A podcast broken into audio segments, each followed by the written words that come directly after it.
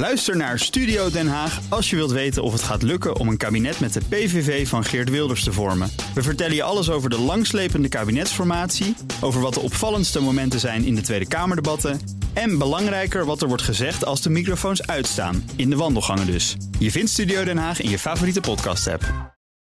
De column van Jaap Jansen.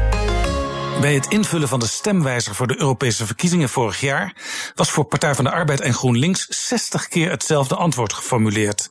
Wanneer je als kiezer precies zo dacht als de PvdA, was je dus 100% GroenLinkser en andersom. In de Tweede Kamer stemmen deze twee partijen, nu ze beide in de oppositie zitten, bijna altijd hetzelfde. De PvdA bleek vorige week zelfs bereid haar eigen trofee in de kliko te werpen. Het CETA-verdrag, waarover naar tevredenheid was onderhandeld door minister, nu Kamerlid, Lilian Ploemen. Dat verdrag was voor de PvdA plotseling waardeloos nadat GroenLinks-leider Jesse Klaver de strijd ermee aanbond.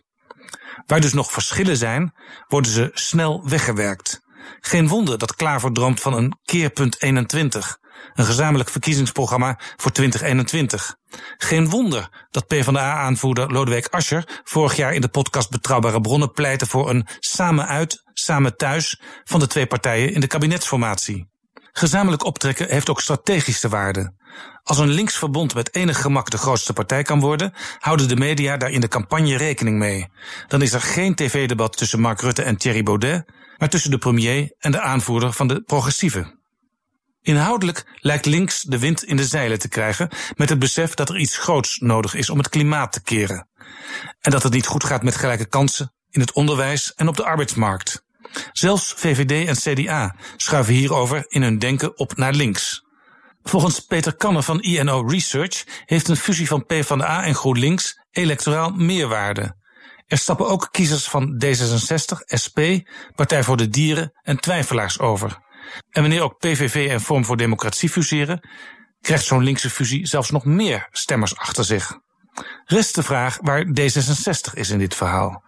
Er was al eens een gezamenlijk progressief verkiezingsprogramma, keerpunt 72, waar ook D66 aan meedeed. Toen het met de PvdA daarna veel beter ging, liet ze D66 vallen. D66-leider Hans van Mierlo sprak verbitterd van het verraad van de PvdA. En D66 werd voor de PvdA regelmatig een stevige concurrent. In 2017 zelfs twee keer zo groot. In de jongste editie van het wetenschappelijke PvdA-blad SND filosofeert D66-denker Daniel Boomsma over een nieuwe vrijage tussen PvdA en D66. Volgens hem zijn de verschillen te overbruggen. Het is een discussie die af en toe oplaait. De vorige week overleden oud-PVDA-minister Jos van Kemenade pleitte in 1991 in een PvdA-rapport ook al voor samenwerking met D66 en GroenLinks. Een kabinet vormen wordt steeds moeilijker. Er zijn vijf en straks misschien wel zes of zeven partijen nodig voor een meerderheid, terwijl de verschillen vaak niet groot zijn. Volgens INO ergert 78% van de kiezers zich aan die versnippering. De kiezers zijn in hun denken dus al verder dan de meeste partijen. Het is tijd voor een nieuw politiek landschap. Columnist Jaap Jansen.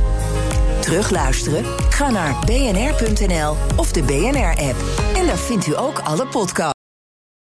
Ook Thomas van Zeil vind je in de BNR-app. Je kunt live naar mij luisteren in Zaken doen, de BNR-app met breaking news, het laatste zakelijke nieuws en je vindt er alle BNR-podcasts, bijvoorbeeld Het Nieuwe Geld. Download nu de gratis BNR-app en blijf scherp.